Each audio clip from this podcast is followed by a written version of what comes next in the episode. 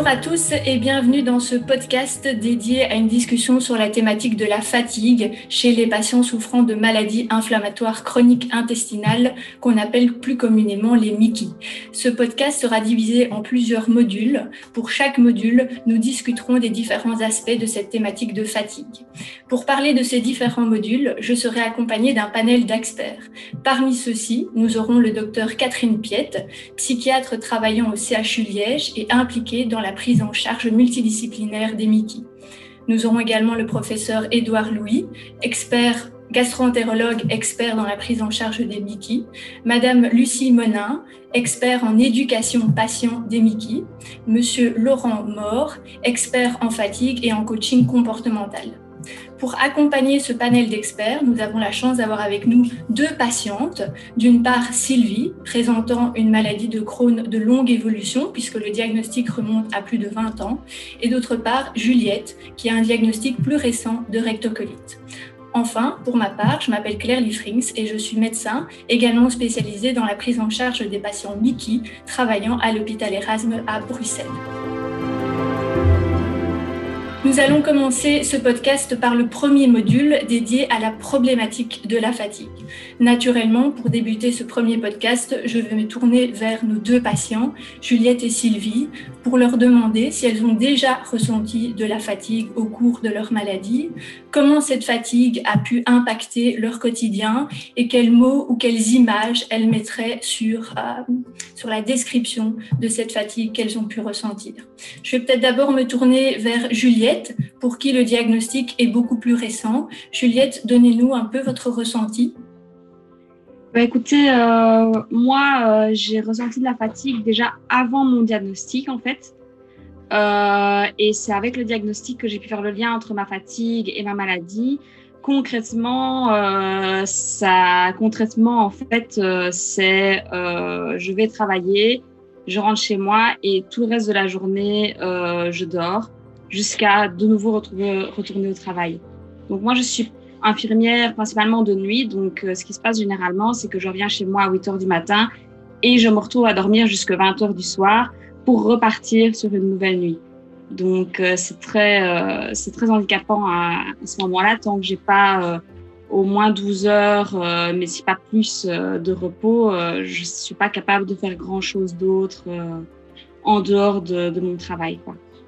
Donc, euh, c'est mhm. vraiment, euh, c'est vraiment une fatigue. Pour moi, c'est vraiment une fatigue euh, physique et psychique parce que la, pour moi, c'est la douleur en fait qui provoque cette fatigue, qui permet de ne jamais se reposer à 100%, sauf quand, quand on dort, d'avoir toujours cette douleur qui est là, en fait, en permanence, en toile de fond, pendant que pendant, pendant la vie, en fait, tout simplement. Et vous, par contre, euh, Sylvie, vous avez une maladie de beaucoup plus longue durée d'évolution. Euh, quel est votre ressenti? Est-ce qu'il est le même que Juliette ou au contraire, la longue évolution rend les choses un peu différentes? Elle est un petit peu différente parce que moi, je l'ai ressentie euh, plus tardivement. En fait, ma maladie, je l'ai découverte à l'âge de 18 ans. Donc, à cet âge-là, ben, on est jeune, on, on, combat un peu la fatigue voilà, parce qu'on la fête, on, bouge beaucoup et, je veux dire, on, ne fait pas le lien avec la maladie étant plus jeune. C'est ici, euh, dans les trois, dernières années, que j'ai vraiment compris euh, où là j'ai eu beaucoup plus de difficultés, beaucoup plus de, fatigue. Euh, après mes journées, je travaillais aussi dans un service de chirurgie, mais de jours, de semaines. Et ben de là, je ne peux pas exercer un temps plein parce que ma maladie m'empêche. Au, dû euh, au coup de fatigue. Et euh, ben voilà, au niveau social, euh, c'est pas facile non plus. il, faut, il faut faire avec beaucoup de petites siestes. je lutte, je lutte beaucoup parce que je suis quelqu'un d'active et je prends sur moi et cette fatigue, ben, on vit avec. Ok, merci pour ce témoignage. Après ce témoignage, je vais peut-être me, tourner vers Edouard. Euh, pour rappel, vous êtes gastro-entérologue. Euh, au cours du consultation, on se rend compte au travers du témoignage que, que la présentation peut être différente. Au cours de vos consultations, est-ce que c'est un symptôme que le patient exprime ou est-ce que vous, vous le percevez au travers de comportements différents de vos patients? Euh, effectivement, c'est quelque chose qu'on va percevoir, mais de façon variable et hétérogène. On l'a vu à travers les deux témoignages. La fatigue ne se manifeste pas nécessairement de la même façon ni au même moment. Ce qu'on voit en tout cas, c'est que c'est très fréquent, très courant. Euh, les études épidémiologiques le montrent. Hein. Euh, lorsque les patients sont en phase active, évidemment, c'est extrêmement présent, mais à ce moment-là, on en parle moins parce qu'en fait, euh, d'autres symptômes sont à l'avant-plan et la fatigue fait partie du cortège de symptômes et finalement, elle, elle frappe moins les esprits. Les patients vont parler beaucoup plus lorsqu'ils sont en rémission, lorsqu'ils vont mieux, parce que à ce moment, ils s'attendent à avoir justement une récupération de toutes leurs facultés, une disparition de la fatigue. Et c'est souvent à ce moment-là qu'ils vont en parler. Et ils vont en parler souvent en étant désemparés, parce que euh, il pense aller mieux, il pense que les choses évoluent dans le bon sens et ce symptôme persiste. Et on l'a vu à travers les deux témoignages, il est extrêmement invalidant et handicapant, c'est-à-dire qu'il empêche de faire des activités.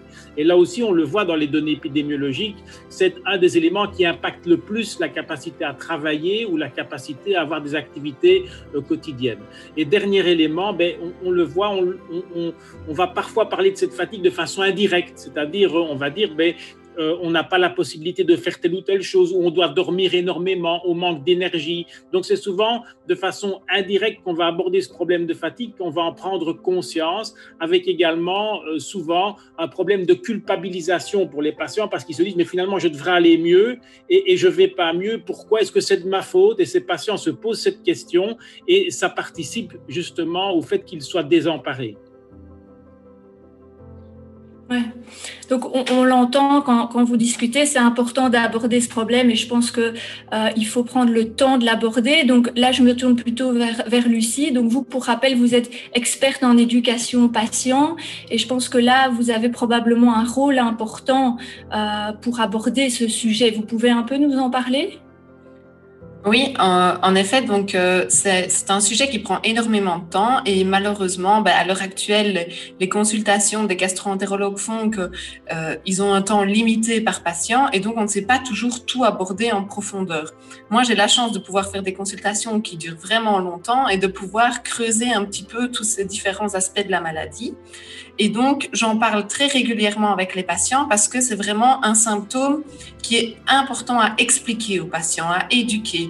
Euh, Edouard l'a dit, c'est important de déculpabiliser le patient parce qu'on se rend compte que si les patients ne sont pas informés que c'est un symptôme de la maladie, ça peut avoir vraiment un, retentissement négatif sur eux. Ils ont l'impression d'être fainéants. On a dit, ça touche, Sylvie l'a bien expliqué, elle était jeune au moment du diagnostic. On a l'impression qu'à cet âge-là, on peut tout faire. Et en fait, on se rend compte qu'on est limité dans les activités. Donc, c'est vraiment important de déculpabiliser le patient, de leur expliquer que c'est un symptôme de la maladie, que c'est un, symptôme très euh, impactant la qualité de vie du patient et qu'il faut en tenir compte, qu'il faut apprendre à s'écouter et que c'est très important d'être informé là-dessus, mais aussi d'informer son entourage, que ce soit l'entourage familial, parce que c'est parfois difficile de, de vivre avec quelqu'un qui est fatigué et qui a du mal à l'expliquer. Donc, si on ne sait pas l'expliquer comme il faut, bah, ça peut aussi avoir un, retentissement négatif sur la personne et sur son entourage, ainsi que sur la vie professionnelle, comme on l'a vu. Donc, je pense que c'est en effet vraiment quelque chose, et, c'est le cas chez nous. Je mets un point d'honneur à parler de ça avec les patients. Il y a un autre aspect qui, a été abordé au travers, je pense, des témoignages et, de, nos confrères euh, Édouard et Lucie, c'est le fait que visiblement, les patients vont avoir des comportements différents face à ce symptôme. Par rapport à ces comportements, je me tourne maintenant vers Catherine. Catherine, pour rappel, vous êtes psychiatre. Euh, est-ce que vous pourriez un peu nous expliquer quels sont les différents comportements que les patients peuvent adopter?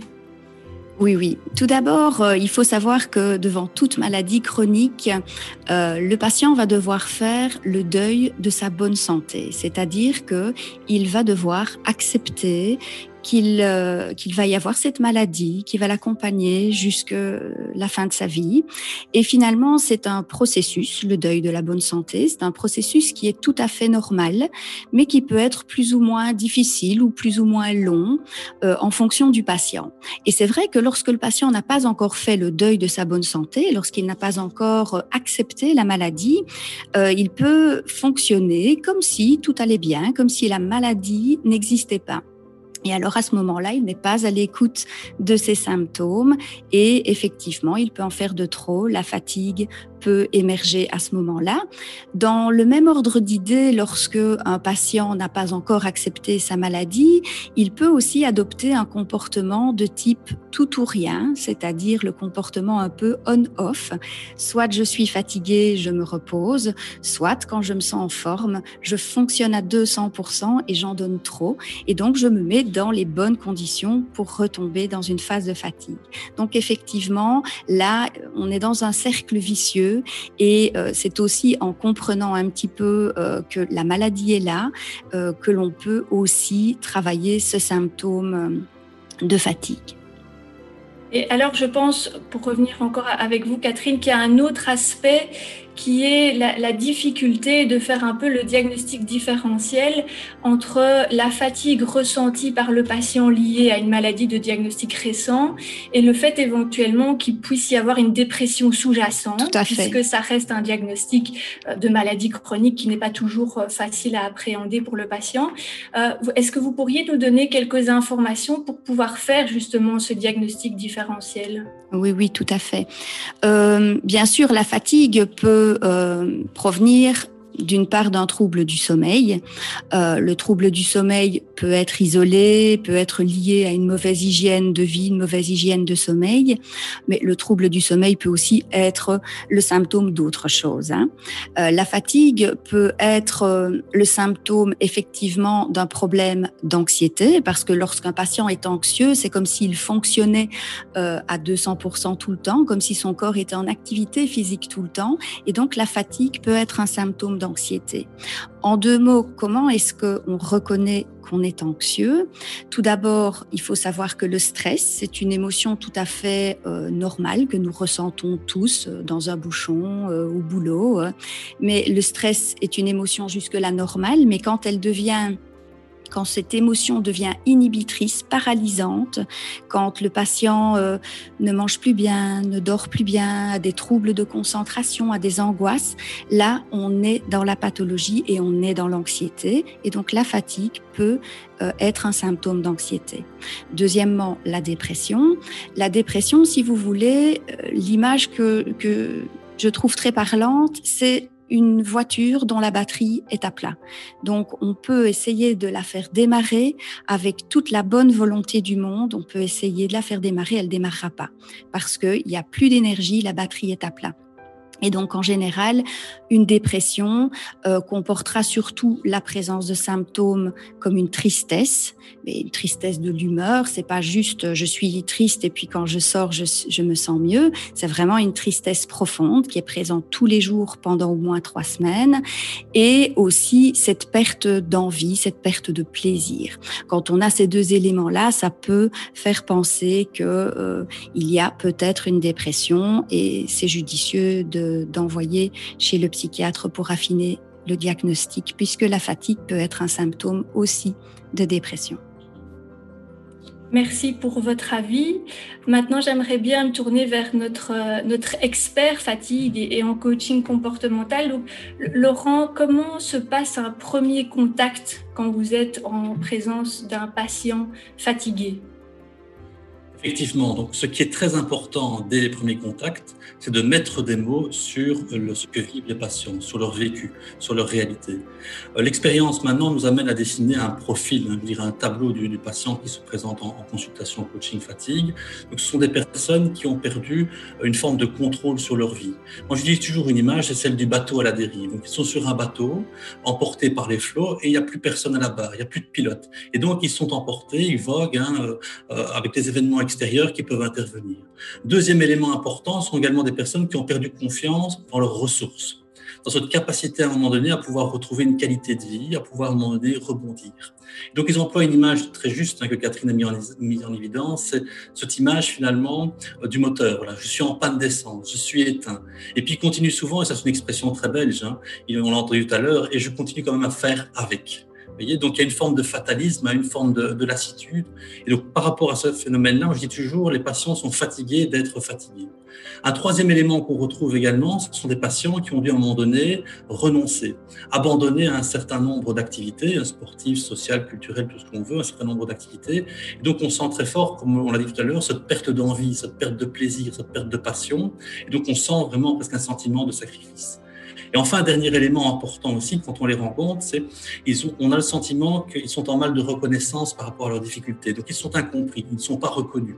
Et cela renvoie vraiment à une caractéristique de la fatigue. La fatigue, je dis toujours, est une maladie sans visage. Et donc, c'est très compliqué, en fait, de lire la fatigue sur le visage de quelqu'un. Donc, souvent, le cercle familial ou le cercle professionnel ne perçoit pas les signes de fatigue, ce qui accentue encore la détresse. Et donc, dès les premiers contacts, ce qui est important, c'est de mettre des mots, de mettre des images sur la réalité du patient, mais surtout également de définir ce qu'est la fatigue. Et définir la fatigue, c'est drôlement complexe. Hein. Là, c'est une autre paire de manches.